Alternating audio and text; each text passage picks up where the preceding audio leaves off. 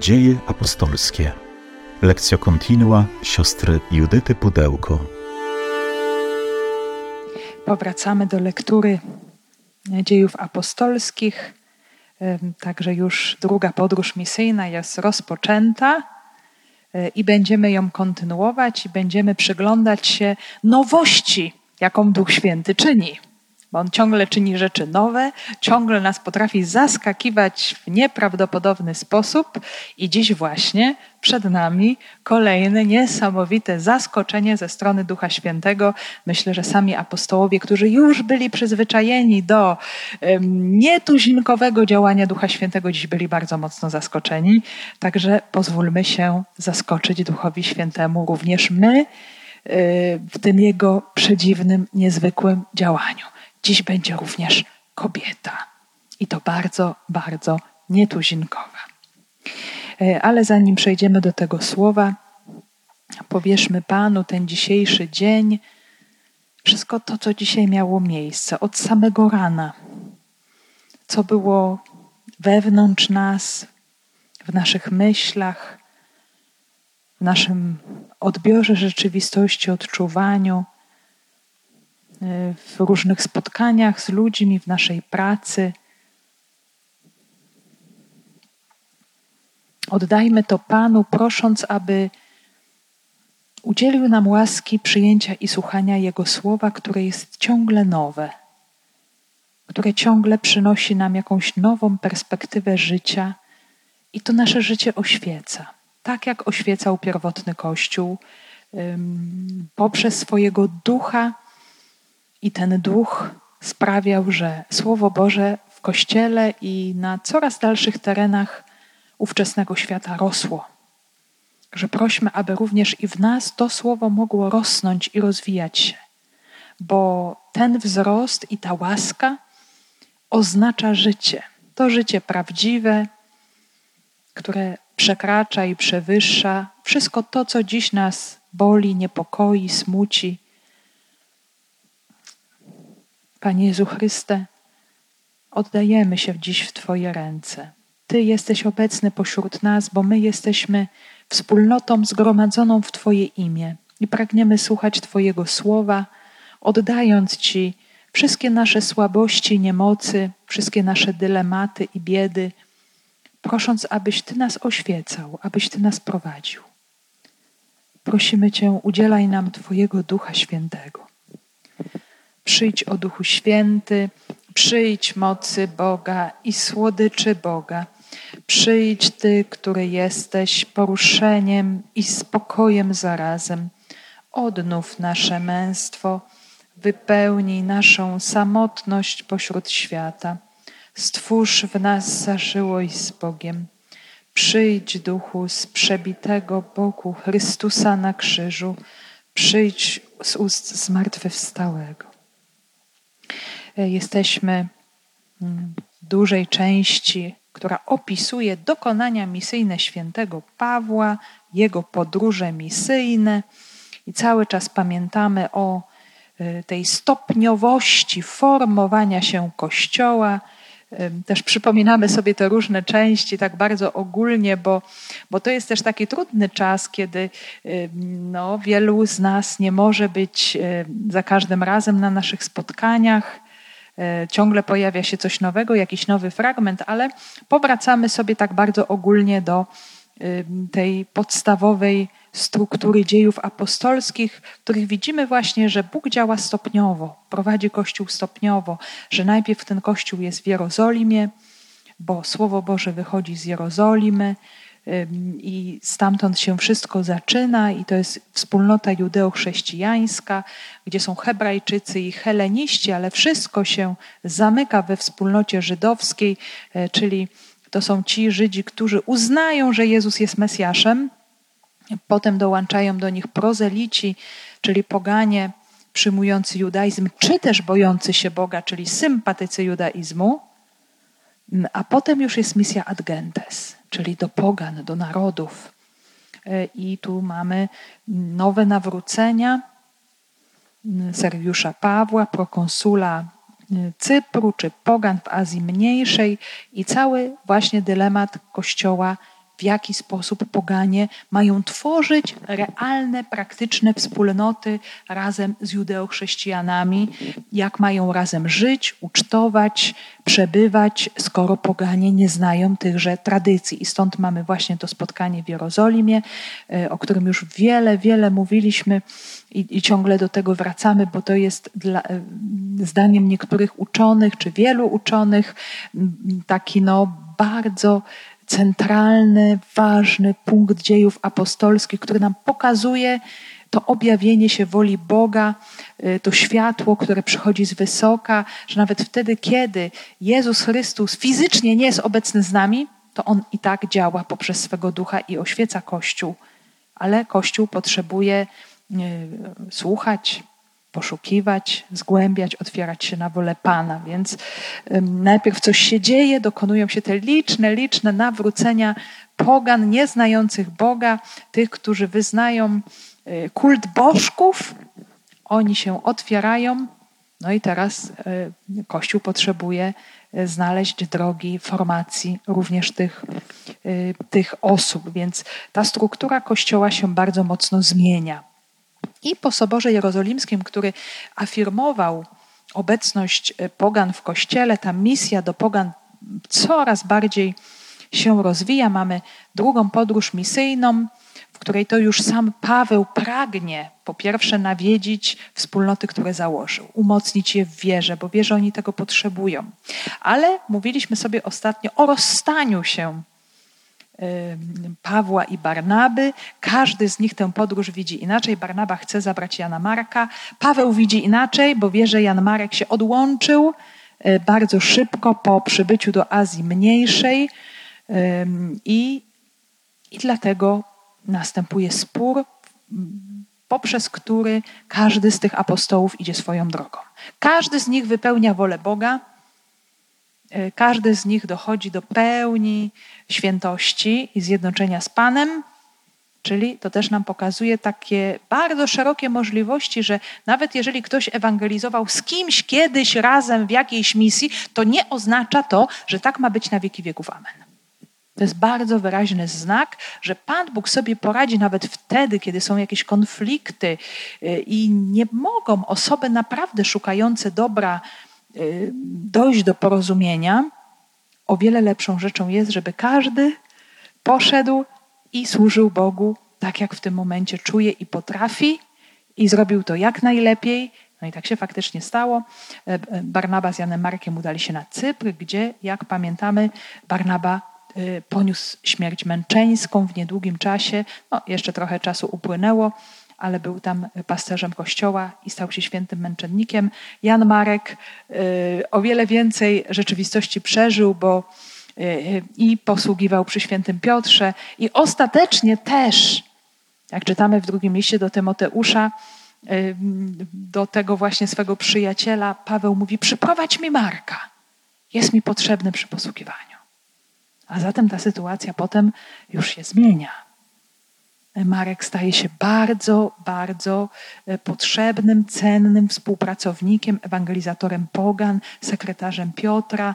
To on spisuje najprawdopodobniej właśnie tę pierwszą Ewangelię, chociaż w kanonie wiemy, że ona jest druga, ale e, badania egzegetyczne wskazują nam na pierwszeństwo Marka jako najbardziej takiej podstawowej Ewangelii Dobrej Nowiny spisanej, dlatego że wielkie autorytety apostołowie Piotr i Paweł odchodzą.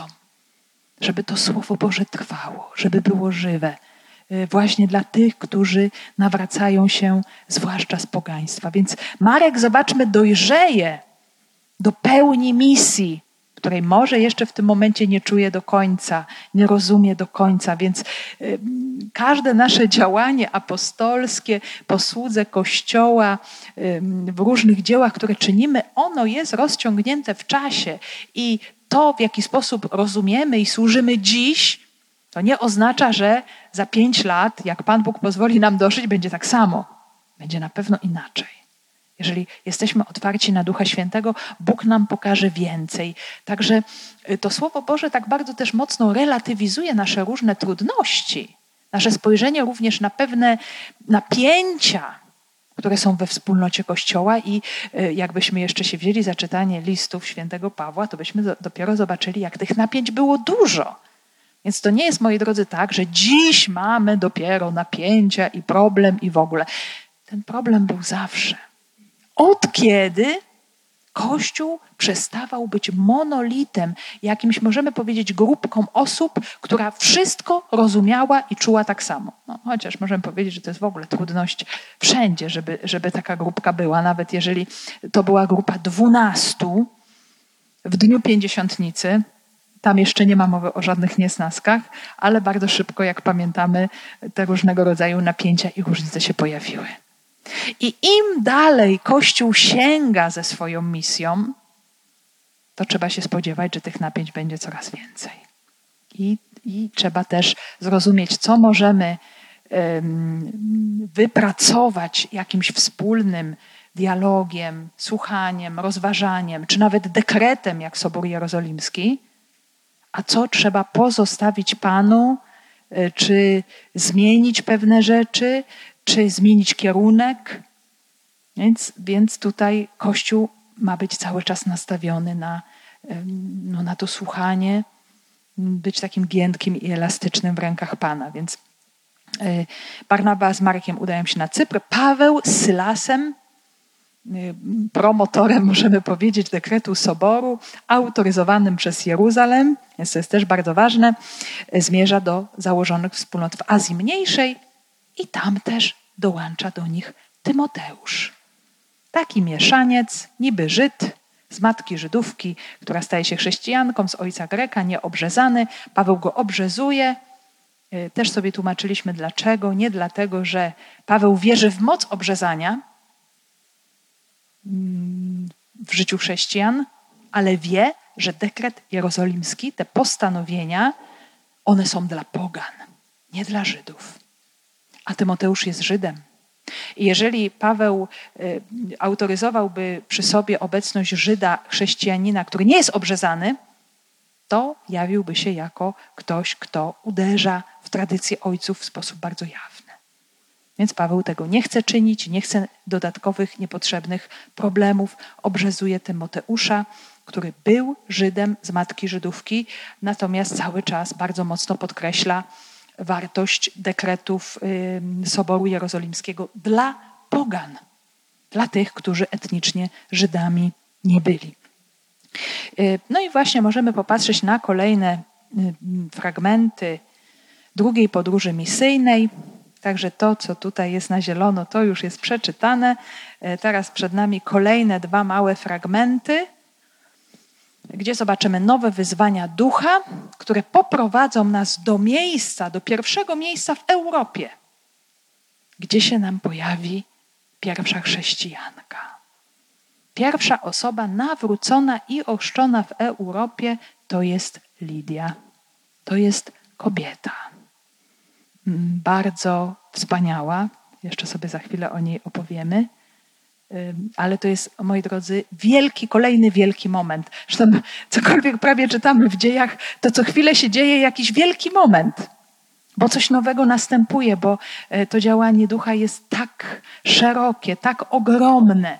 I zaraz zobaczymy, jak to się stało, że apostołowie, chociaż zupełnie nie mieli takich planów, dotarią, do, docierają jednak do Europy z dziejów apostolskich.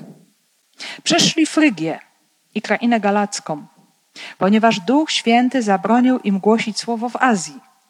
Przybywszy do Myzji, próbowali udać się do Bityni, ale Duch Jezusa nie pozwolił im. Przeszli więc Myzję i zeszli do Troady. W nocy miał Paweł widzenie. Jakiś Macedończyk stanął i błagał go: Przepraw się do Macedonii i pomóż nam. Zaraz po tym widzeniu staraliśmy się wyruszyć do Macedonii w przekonaniu, że Bóg nas wezwał, abyśmy głosili im Ewangelię. Odbiwszy od lądu w Troadzie, popłynęliśmy wprost do Samotraki, a następnie do Neapolu. Stamtąd zaś do Filipi, głównego miasta tej części Macedonii, której jest kolonią. W tym mieście spędziliśmy kilka dni. W szabat weszliśmy za bramę nad rzekę, gdzie, jak sądziliśmy, było miejsce modlitwy. I usiadłszy, rozmawialiśmy z kobietami, które się zeszły. Przysłuchiwała się tam też pewna bojąca się Boga kobieta z miasta Tiatyry imieniem Lidia, która sprzedawała purpurę. Pan otworzył jej serce, tak że uważnie słuchała słów Pawła. Kiedy została ochrzczona razem ze swym domem, zwróciła się z prośbą: Jeżeli uważacie mnie za wierną Panu, przyjdźcie do mego domu i zamieszkajcie w nim. I wymogła to na nas. Że tu możemy prześledzić sobie na mapie, jak wyglądała ta druga podróż misyjna, dosyć długa. E, także e, z Cezarei do Antiochii. E, z Antiochii to, była, to był powrót, możemy powiedzieć, też apostołów, przejście apostołów. Potem z Antiochii właśnie do mm, miast związanych, oni przeszli przez Cylicję, i tutaj właśnie już te miasta, Frygi, które y, już wcześniej Paweł zewangelizował i chciał tam też być, więc Derbe, Listra, Ikonium, Antiochia Pizydyjska. No i właśnie.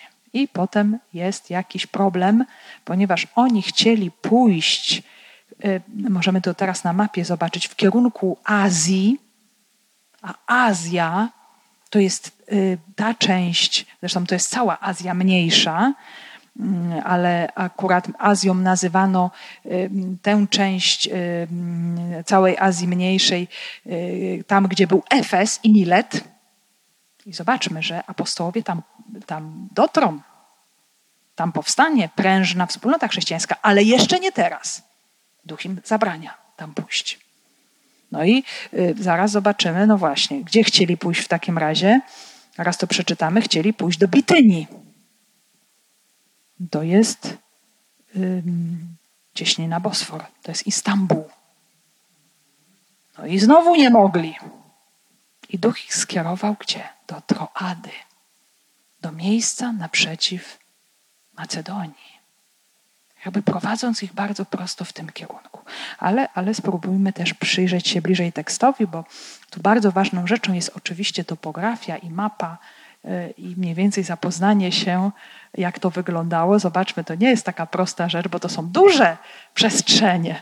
To nie jest jak przejść, pochodzić sobie po Warszawie, ale troszeczkę więcej, więc no, to jest rzeczywistość, która bardzo mocno kosztuje i apostołowie mają jakąś swoją wizję w pokonywaniu tych przestrzeni i w kierunku, a tymczasem Duch Święty chce nieco inaczej i, i prowadzi ich po prostu powoli i stopniowo. Przeszli Frygię i krainę galacką, ponieważ Duch Święty zabronił im głosić słowo w Azji.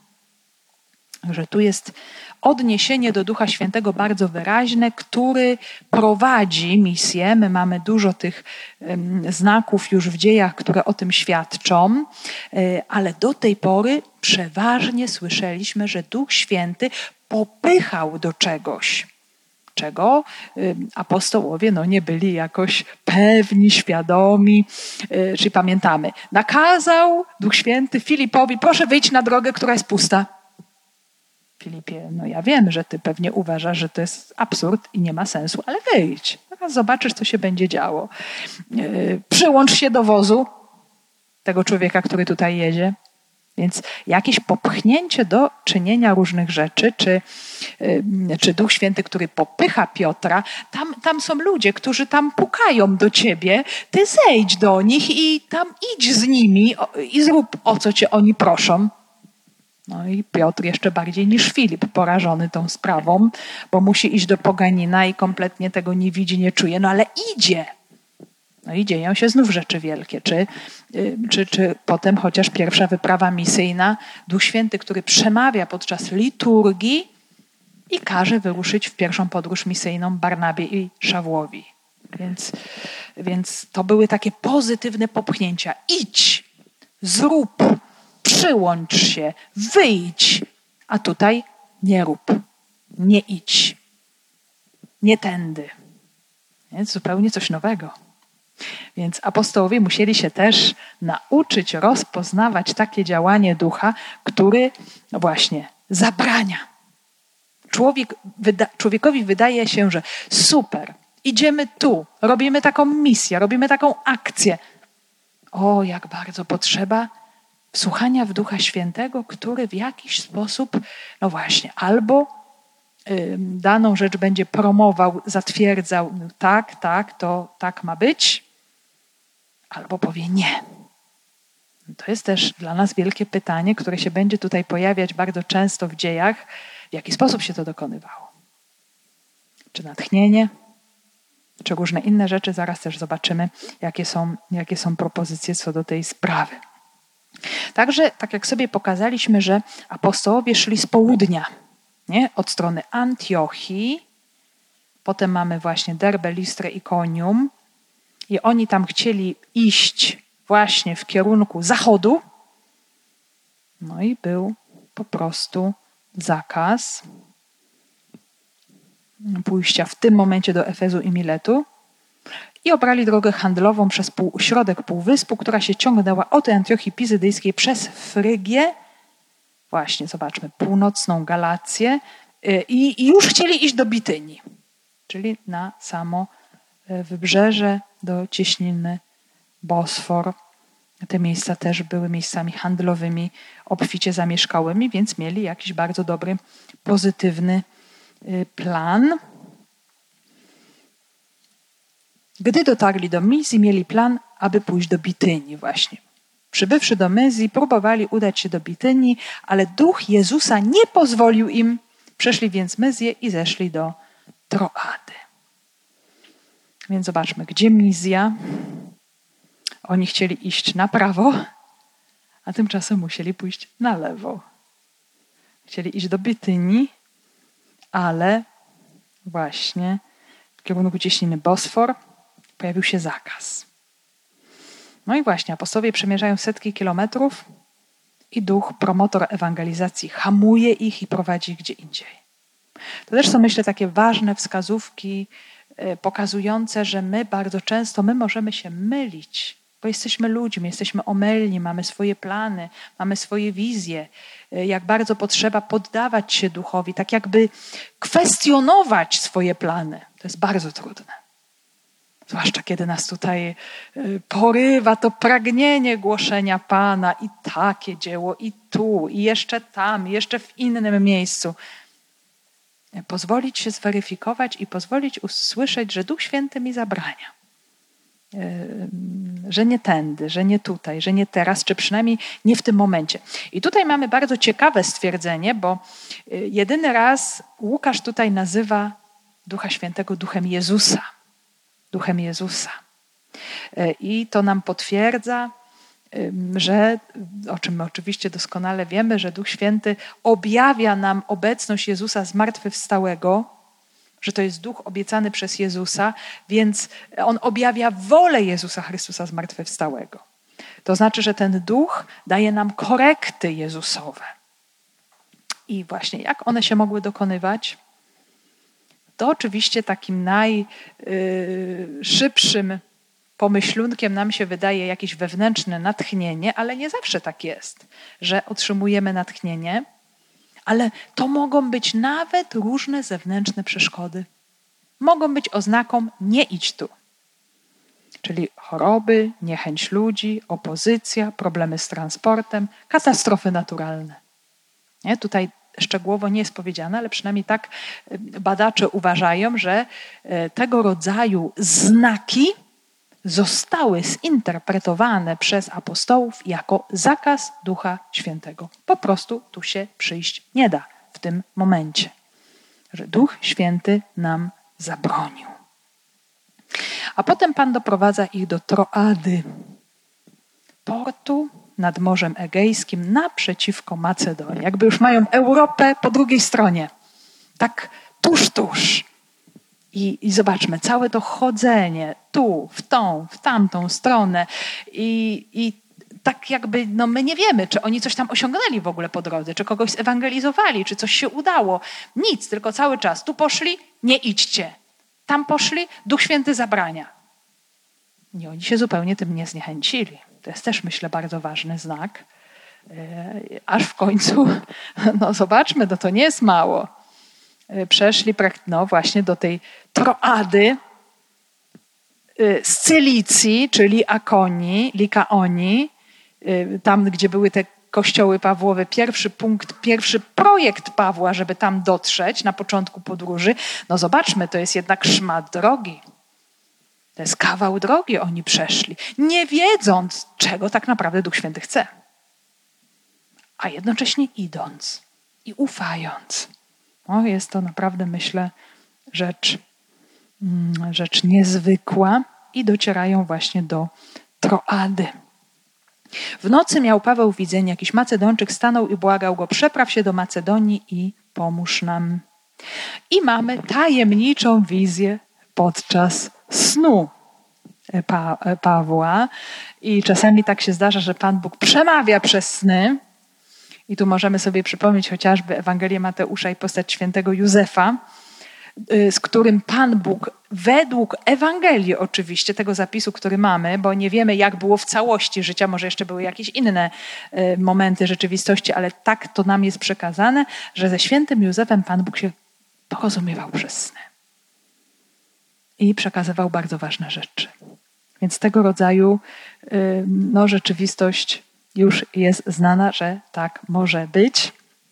I tak się dzieje tutaj w życiu Pawła, który ma już doświadczenie duchowe, przeszedł już różne etapy oczyszczenia, potrafi odróżnić to, co pochodzi od niego y, i od tego, co pochodzi od Pana. I pojawia się właśnie tajemnicza postać, Macedończyk, który prosi o pomoc. Prosi o pomoc. I to oznacza przekroczenie bardzo ważnej granicy, bo zobaczmy już, granica Żydzi poganie została przekroczona, ale to jest ciągle świat taki azjatycki. A teraz to jest zaproszenie, żeby przejść do zupełnie nowego świata, czyli do Europy. To jest dla, y, dla Żydów nowy świat. Y, tamta kultura, nawet grecko-rzymska, no wygląda inaczej, bo tam jest prawdziwa Grecja, nie ta kultura e, tylko dostosowana, e, kultura grecka wymieszana z kulturami Orientu, tak jak to mówiono właśnie, e, że to już jednak jest nie to samo, bo te ludy azjatyckie, no, uważano, że on, oni jednak mają inne rozumienie wielu rzeczy. To już jest zaproszenie właśnie do przejścia do zupełnie nowej mentalności rozumienia wielu rzeczy. Więc Paweł staje wobec ogromnego wyzwania przekroczenia progu nowej rzeczywistości też i nowego świata i ma głosić Ewangelię właśnie tam. Zaraz po tym widzeniu staraliśmy się wyruszyć do Macedonii w przekonaniu, że Bóg nas wezwał, abyśmy głosili im Ewangelię. A zatem y, i Paweł, i apostołowie rozpoznają wizję, widzą tu zaproszenie Boga. Jest to decyzja całej grupy apostołów, bo tu nie jest powiedziane, że tylko Paweł tak rozpoznał, a inni nie. Czyli on z nimi pewnie to omawiał, konsultował, dialogował o, i, i, i cała ta grupa apostolska właśnie do tego doszła. Czyli mamy Pawła, Sylasa i Tymoteusza teraz, uwaga, to jest bardzo ważny moment w dziejach apostolskich, bo nam się pojawia tutaj pierwszy raz tajemnicze my. Już nie jest oni, ale jest my.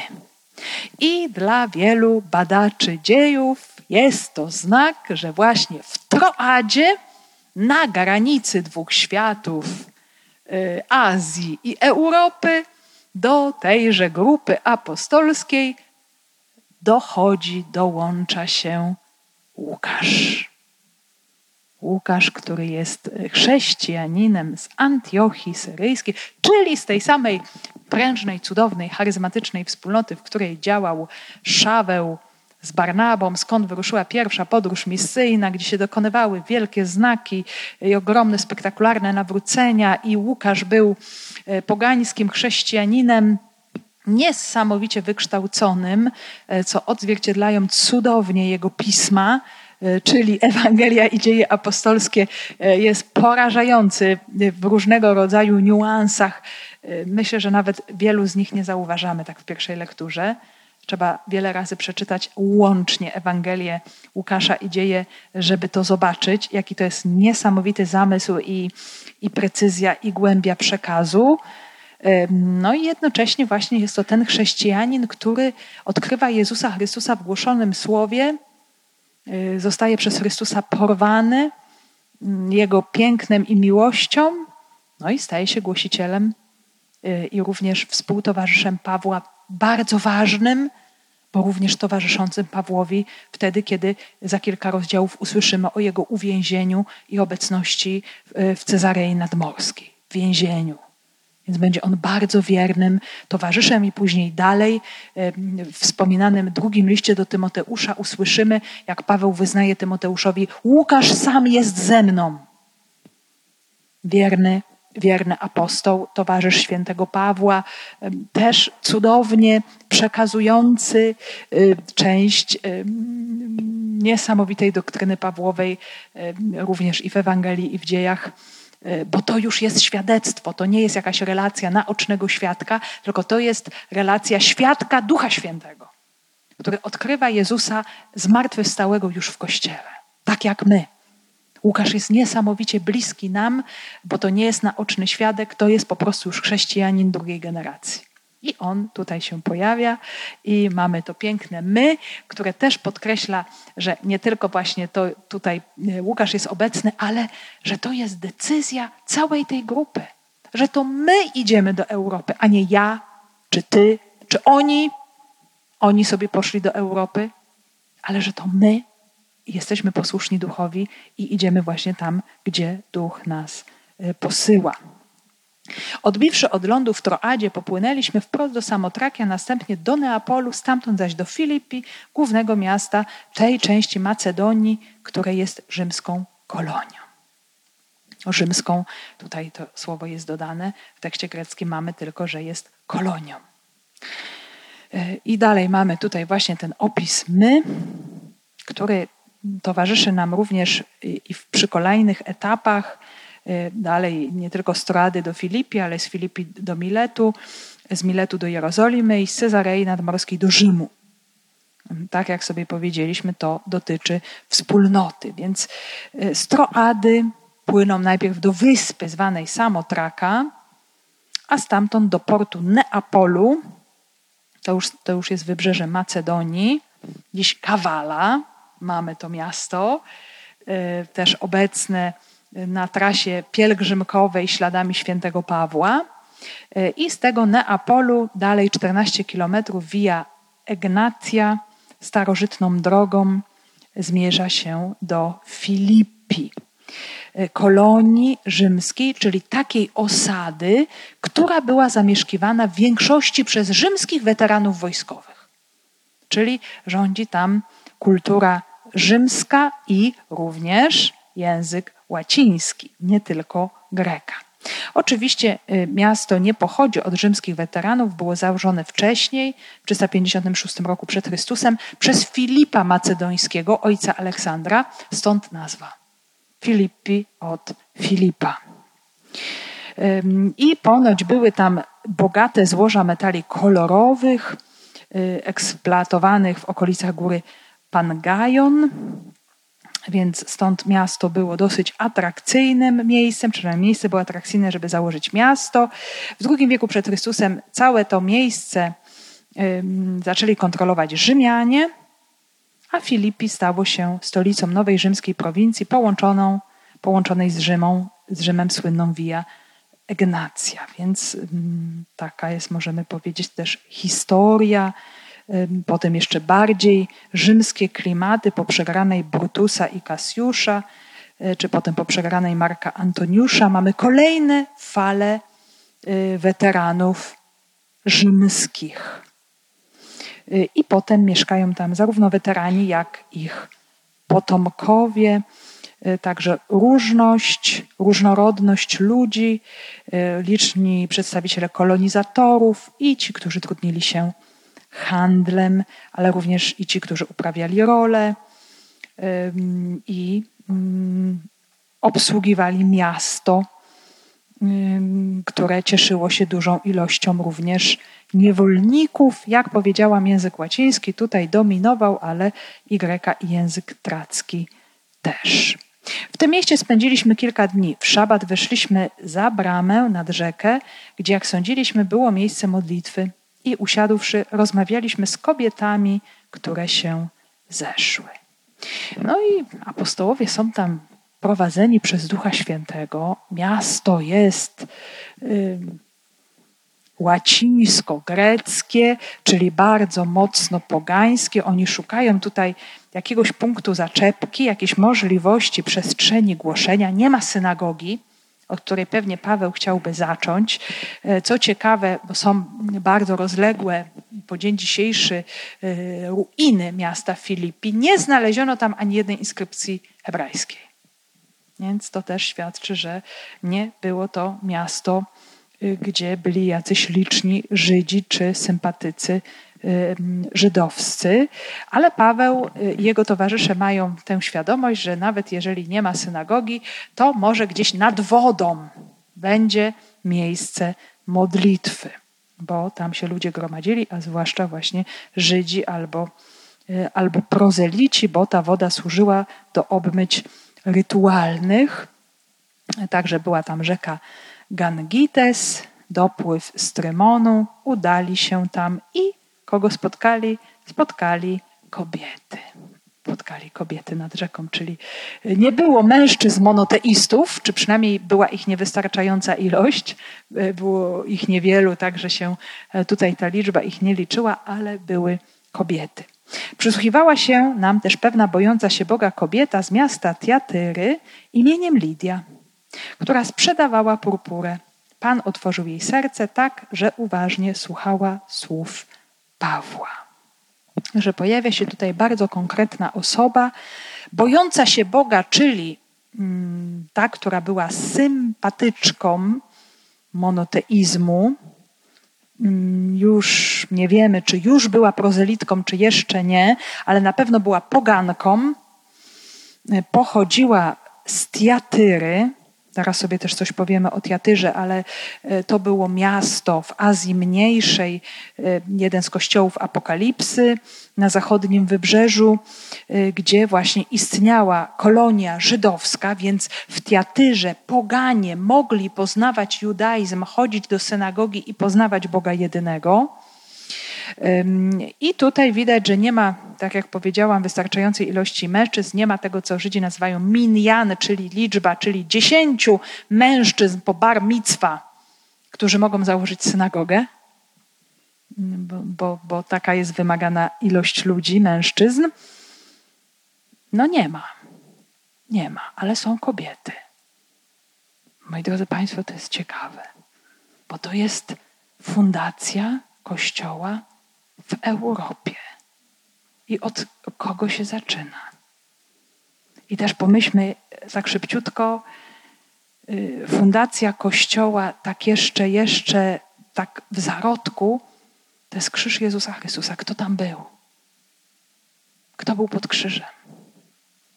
Przede wszystkim kobiety.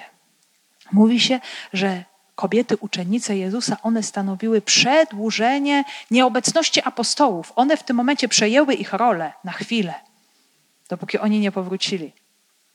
I tutaj, e, w momencie, kiedy dochodzi do początków Kościoła w Europie, jest kobieta. Więc obecne tu kobiety i słuchające tego kobiety, zastanówmy się, co to mogłoby znaczyć. Co to oznacza?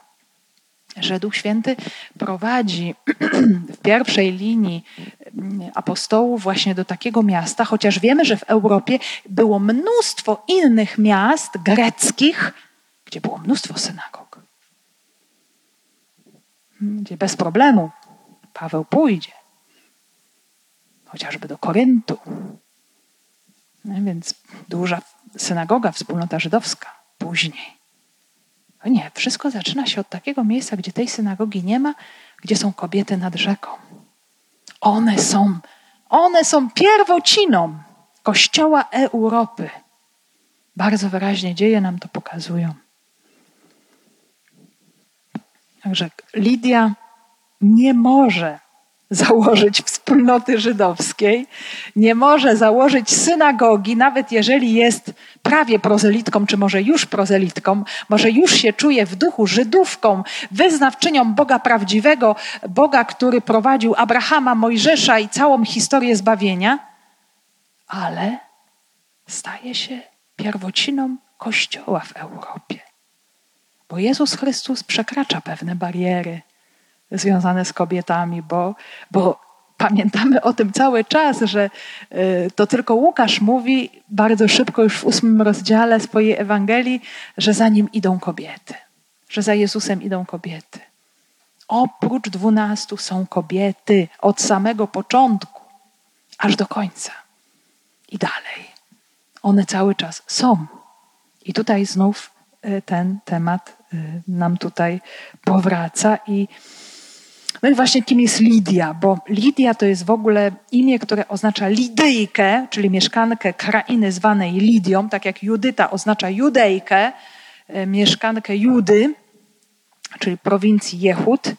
E, tutaj mamy po prostu e, taki zabieg, że nazwa tej krainy potem została też zmieniona, bo te tereny zostały właśnie nazwane terminem Azja, i w tym czasie, kiedy Lidia żyje, to, to jej imię już jest normalnym imieniem osobowym. Nie ma z tym e, żadnego problemu. Lidia pochodzi z Tiatyry i było to miasto słynne z wytwarzania e, purpury, czyli farbowania wełny, aby miała ona piękne, ciemne kolory, wspaniałe albo czerwone, albo ametystowe, albo fioletowe, zaraz zobaczymy, bo zwykle wełna była taka szarawa albo y, trochę jaśniejsza, jeżeli wełna owiec była jaśniejsza, albo wręcz taka lekko biało-szara, y, co nie było zbyt kolorem atrakcyjnym, więc ludzie ubodzy chodzili w odzieży niefarbowanej, takiej bardzo prostej, skromnej i szarawej, jasnej. Y, natomiast w teatrze dokonywało się farbowanie wełny na kolory y, królewskie, wspaniałe, piękne i było to rzeczą bardzo, bardzo kosztowną. Było to miasto na szlaku łączący Pergamon i Sardes. I to farbowanie odbywało się za pomocą barwnika dobywanego z muszli ślimaków zwanych mureks, żyjących w Morzu Śródziemnym. Y, I mamy tutaj właśnie muszelki i kolory. Także mamy różne odcienie tejże purpury, i to był bardzo, bardzo drogi, luksusowy produkt. Też bardzo trwały, ponieważ no, po dzień dzisiejszy rzeczy farbowane z czasem blakną. Nawet jak bierzemy w pralce nasze rzeczy o kolorach syntetycznych, y, wydawałoby się bardzo nowocześnie farbowanych, to jednak z, z czasem nam blakną Natomiast tą purpurą było odwrotnie, ona z czasem ciemniała jeszcze. I tego rodzaju trzy kolory, trzy odcienie tejże purpury były przygotowywane i były to szaty dla władców. To królowie, cezarowie, senatorzy, y, różni pretorzy, różni zarządcy, y, w zależności od funkcji pełnionej, mieli jakieś szaty purpurowe, a niektórzy chcieli mieć chociaż lamówkę purpurową przy swojej szacie, bo to już im dodawało splendoru. Więc e, no, możemy sobie dziś powiedzieć, że Lidia to była taka kobieta, tak jakby e, pracowała w najbardziej ekskluzyw butiku, e, no nie wiem, już Gucci, czy jakiś Versace, czy jeszcze nie wiem, gdzie ceny sięgają w ogóle, są jak drapacze chmur. I to było coś takiego. To nie była jakaś pani zajmująca się nie wiadomo czym, ale to była kobieta niezależna finansowo, zorganizowana, potrafiąca się zatroszczyć o swoje. Y, no i jednocześnie wyjechała z Tiatery, żeby teraz handlować tą purpurą w Filipii. I zobaczmy, Słowo Boże ją tam znalazło. Właśnie tam. Pewnie się tego nie spodziewała że Pan Bóg, którego w jakiś sposób poszukiwała, bo była kobietą bojącą się Boga, że On ją znajdzie tam właśnie w taki sposób. Bardzo zaskakujący. Nie w Tiatyrze, gdzie była synagoga, gdzie była wspólnota żydowska, gdzie mogła dużo o tym Bogu jedynym słuchać, ale znalazła się właśnie w tej Filipii, gdzie nie było synagogi Tak jakby ten Bóg jedyny nie mógł przemówić do niej, a jednak przemówił i to w sposób ostateczny. To jest bardzo ciekawe. Bardzo czasami potrzebujemy się zastanowić nad tym, że Pan Bóg może do nas przemówić i przemawia w sposób i w miejscach absolutnie nieoczywistych. Tam, gdzie nam się wydaje, że go nie, nie spotkamy, że po prostu się nie da. Pewnie Lidia też tak myślała. No Boże, poszła powzdychać i pomodlić się. Tęskniła pewnie za synagogą i za słuchaniem prawa, więc w szabat poszła sobie nad wodę, nad rzekę. Jak się pojedzie do Filipi, y, to, to można znaleźć to miejsce. Tam jest obecnie przepiękna, bardzo nowoczesna prawosławna kaplica z mozaikami, y, z wyobrażeniami tego, co się tam wydarzyło w życiu Lidii. Przepiękne miejsce, bardzo urokliwe, bardzo spokojne i Lidia się na pewno nie spodziewała, że coś takiego niezwykłego się wydarzy w jej życiu, a jednak Pan przemówił, przemówił przez, przez Pawła właśnie ta ta tiatyra, tu możemy ją zobaczyć właśnie pomiędzy kościołami Apokalipsy, miasto helenistyczne. Y, była tam również właśnie prężna wspólnota chrześcijańska, do której święty Jan kieruje jeden ze swoich listów wchodzących w poczet Apokalipsy. No i właśnie znów nie wiemy, ile czasu miała Lidia być w Filipi, ile tam przebywała, no bo przecież była z Tiatyry i pewnie planowała do tej teatry wrócić. No właśnie, wydaje się być kobietą niezależną finansowo, ale tutaj mm, zaraz usłyszymy o jej domu. Czyli Lidia ma dom. I słowo dom y, w takim pojęciu świata grecko-rzymskiego to nie jest to, proszę Państwa, że miała apartament, ekskluzywny apartament Filipi, tylko dom to jest, możemy powiedzieć, wspólnota. To jest grupa ludzi y, z nią związanych.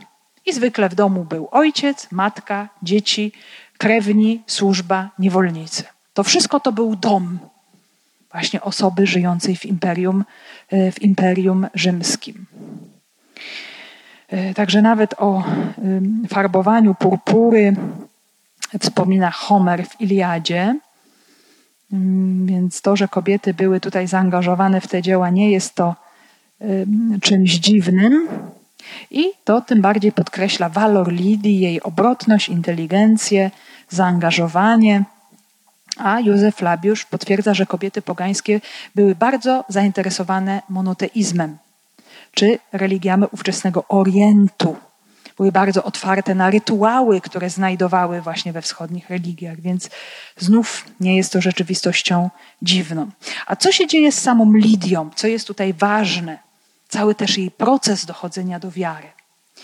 Bo Lidia przysłuchiwała się, słuchała. I mamy tutaj y, termin mm, użyty w czasie imperfektum, wskazujący na czynność słuchania, tak samo jak Maria Łukaszowa Maria z Betanii słuchała uważnie słów Jezusa, siedząc u jego stóp, i to samo czyni właśnie Lidia. Pan otworzył jej serce. To jest bardzo proste stwierdzenie, konstatacja e, Łukasza, że to nie tyle zdolności wielkie oratorskie talenty Pawła tu zadziałały, ale łaska Pana.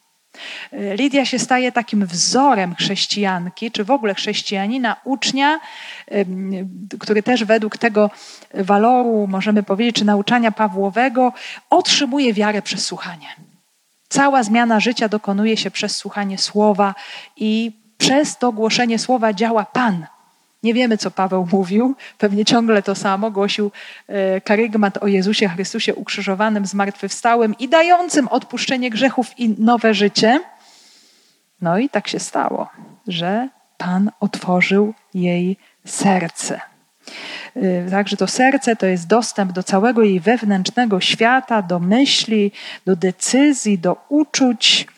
E, I mm, Lidia uznała, że to wszystko, co słyszy, jest jest prawdą. Ale Łukasz nie byłby Łukaszem, gdyby tutaj nie użył jakiejś też linii bardzo podobnych terminów łączących dzieje z Ewangelią. I to otwarcie serca, które się dokonało w życiu Lidii, my możemy sobie porównać z otwarciem oczu, z otwieraniem pism, z otwieraniem umysłów, co się dokonywało przy spotkaniu z Jezusem zmartwychwstałym, jeszcze w Ewangelii. Jeszcze wtedy, kiedy przychodził do wieczornika, czy spotykał uczniów idących do Emaus,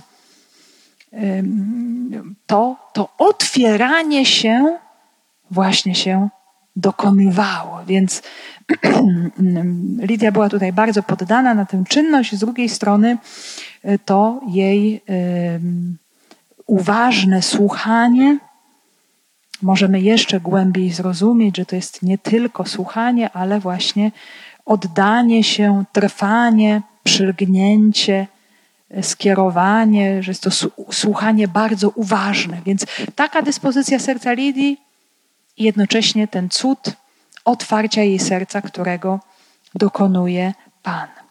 Kiedy została ochrzczona razem z swym domem, zwróciła się z prośbą: Jeżeli uważacie mnie za wierną Panu, przyjdźcie do mego domu i zamieszkajcie w nim. I wymogła to na nas. No i oczywiście te y, wszystkie historie, które czytamy w dziejach apostolskich, tak samo jak i w Ewangelii, to jest taka sekwencja szybka, że nam się wydaje, że to się wszystko dzieje w pięć minut. Że jest natychmiast y, głoszenie, otwarcie serca, cyk, dowody i chrzest. Ale nie wiemy, czy tak było.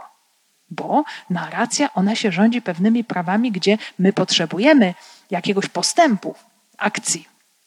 Ale my nie wiemy, czy się dokonało to od razu podczas tego szabatu, czy to był dłuższy pobyt Pawła w Filippi, dłuższe nauczanie, jakiś proces, y, stopniowe otwieranie i właśnie po tym pierwszym spotkaniu, y, po jakimś czasie została ona ochrzczona, i tu jest bardzo ważna rzecz, z całym swym domem. Z całym swym domem. Czyli wiara jednej osoby pociąga za sobą wiarę kolejnych osób.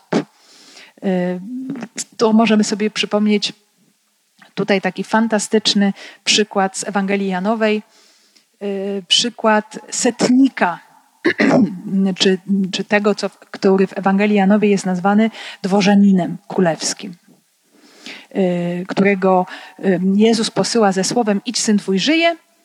I rzeczywiście tak się dzieje, syn zostaje uzdrowiony, uwierzył wraz z całym swym domem. Nie tylko on, ale również i inni.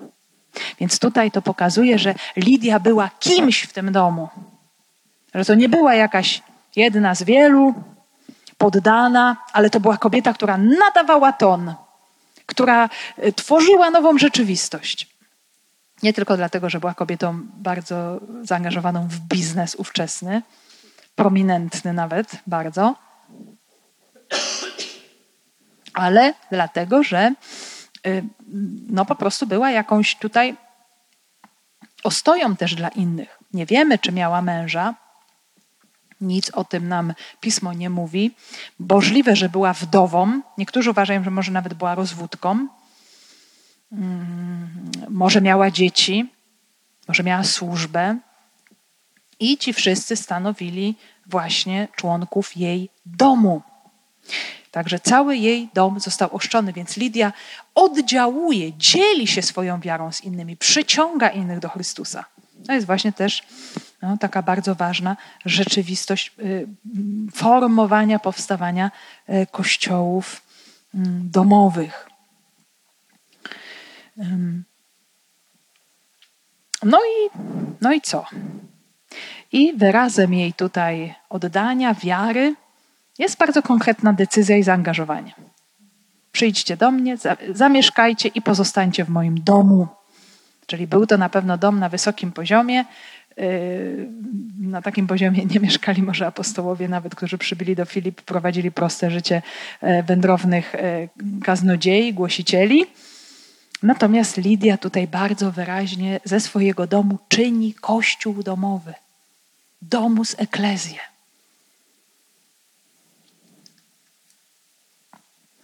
Zaprasza. To jest oczywiście wdzięczność, ale jednocześnie też wyraz jej głębokiej wiary, zaangażowania, no i pokazuje niesamowitą siłę tej kobiety, bo Paweł konkluduje i wymogła to na nas.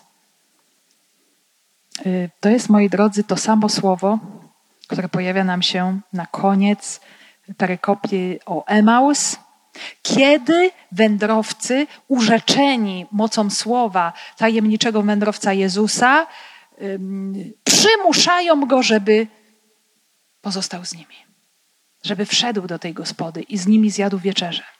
I to jest to samo słowo. Tak jak wędrowcy przymusili Jezusa, bo czuli się tak bardzo mocno poruszeni tym słowem, to samo zrobiła Lidia. No ale musimy brać pod uwagę e, niesamowity fakt, że to była kobieta. O ogromnej sile serca, charakteru, przekonania. E, no, jej dom naprawdę staje się kościołem. E, jej dom staje się miejscem ludzi ochrzczonych, zanurzonych w Jezusa Chrystusa, jednocześnie tam, gdzie są obecni apostołowie, głosiciele, tam, gdzie się może rozlewać Duch Święty i być głoszone Słowo Pana również dla innych. Więc to jest też, możemy powiedzieć, taki przykład i taka podstawa wspólnot chrześcijańskich w świecie pogańskim, gdzie nie ma synagogi, gdzie jedynym miejscem y, przekazu wiary, celebracji Eucharystii y, i, i, i w ogóle przekazu tego nowego życia będą kościoły domowe. Będą rodziny, wspólnoty osób, które całkowicie się otworzą na Jezusa Chrystusa i będą promować wiarę w swoim otoczeniu. No i do tego myślę, że to słowo dzisiaj nas zaprasza. Bądźmy jak Lidia. Promujmy również w naszych rodzinach no, obecność Chrystusa, Jego słowa, Jego Ducha Świętego. Więc to, czego nie mogły zrobić kobiety żydowskie czy prozelitki w diasporze, mogły oczywiście niewiele, coś tam mogły, to mogą jednak robić chrześcijańskie kobiety, choć nie mogły one utworzyć właśnie wspólnoty synagogalnej, mogły utworzyć domowy kościół. Więc Także mamy tutaj również pewną nowość kulturową, że Ewangelia też wyzwala kobiety z pewnych mm, dawniejszych kulturowych ograniczeń. I niektórzy też bardzo pięknie porównują nam nawrócenie Lidii z nawróceniem Korneliusza. My wiemy, że Łukasz robi taki myk w swoich dwóch tomach, który napisał, że stawia obok mężczyzny kobietę, obok kobiety mężczyznę, pokazując, że Ewangelia jest dla wszystkich. I mamy tutaj bardzo podobny schemat. Y, nawrócenie Korneliusza. Najpierw była wizja Piotra, jak pamiętamy.